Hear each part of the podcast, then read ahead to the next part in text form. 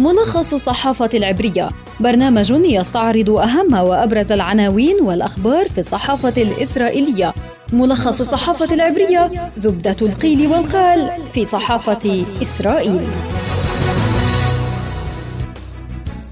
أهلا بكم مستمعينا في ملخص الصحافة العبرية يعده ويقدمه لكم عبر شبكة أجيال الإذاعية خلدون البروذي وأستعرض معكم أبرز العناوين التي جاءت في وسائل الإعلام العبرية صباح اليوم.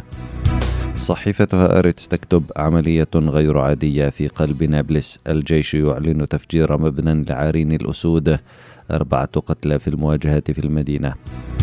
كذلك تعنون يديعوت أحرونوت في عمق نابلس الجيش يدمر بنية إرهابية تابعة لعرين الأسود في يديعوت أحرونوت أيضا 15 مليار شيكل تكلفة خمس جولات انتخابية في إسرائيل في ثلاث سنوات ونصف السنة.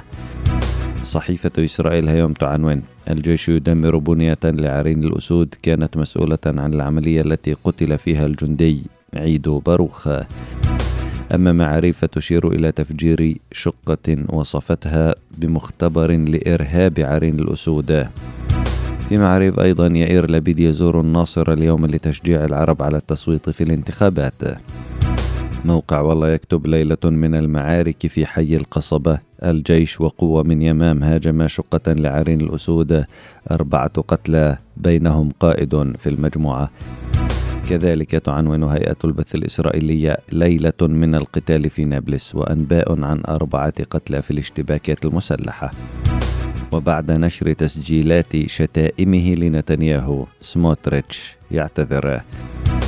القناة الثانية عشرة تكتب تبادل إطلاق نار عنيف في نابلس وتصفية أحد قادة عرين الأسود. واستطلاع للقناة الثانية عشرة ستون مقعدا لنتنياهو وستة وخمسون لمعسكر لبيدة وأربعة مقاعد للمشتركة في القناة الثالثة عشرة قبل الانتخابات بأسبوع خلافات في اليمين ويائير لبيد ينقض على الأصوات العربية. أعلن جيش الاحتلال أنه نفذ بالتعاون مع الشباك وقوة يمام عملية اقتحام لشقة في نابلس استخدمت كمختبر لصناعة العبوات الناسفة من قبل مجموعات عرين الأسود. وحسب بيان جيش الاحتلال فقد قامت القوى المقتحمة بتفجير المختبر وتخلل العملية استهداف عدد من المسلحين. وقال رئيس حكومة الاحتلال يائير لبيد في تعليق على اقتحام نابلس إن وديع الحوح قتل خلال الاشتباكات وإن إسرائيل لن تخشى من العمل من أجل ضمان أمنها. وقال لبيد أيضا إن عناصر الخلية هم الذين قتلوا الجندي عيد باروخ. في شأن الانتخابات الإسرائيلية ومع بقاء أسبوع على الاقتراع تظهر آخر الاستطلاعات استمرار عجز المعسكرين المتنافسين في حسمها.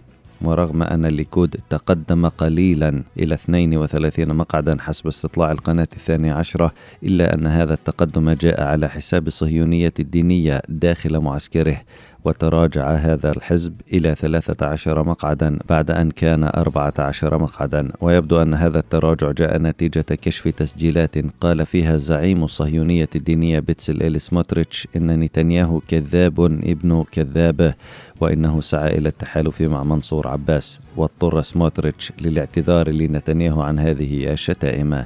ولم يتجاوز معسكر نتنياهو الستين مقعدا فيما بقي معسكر لبيد عند ستة وخمسين مقعدا والقائمة المشتركة بقيت بأربعة مقاعد.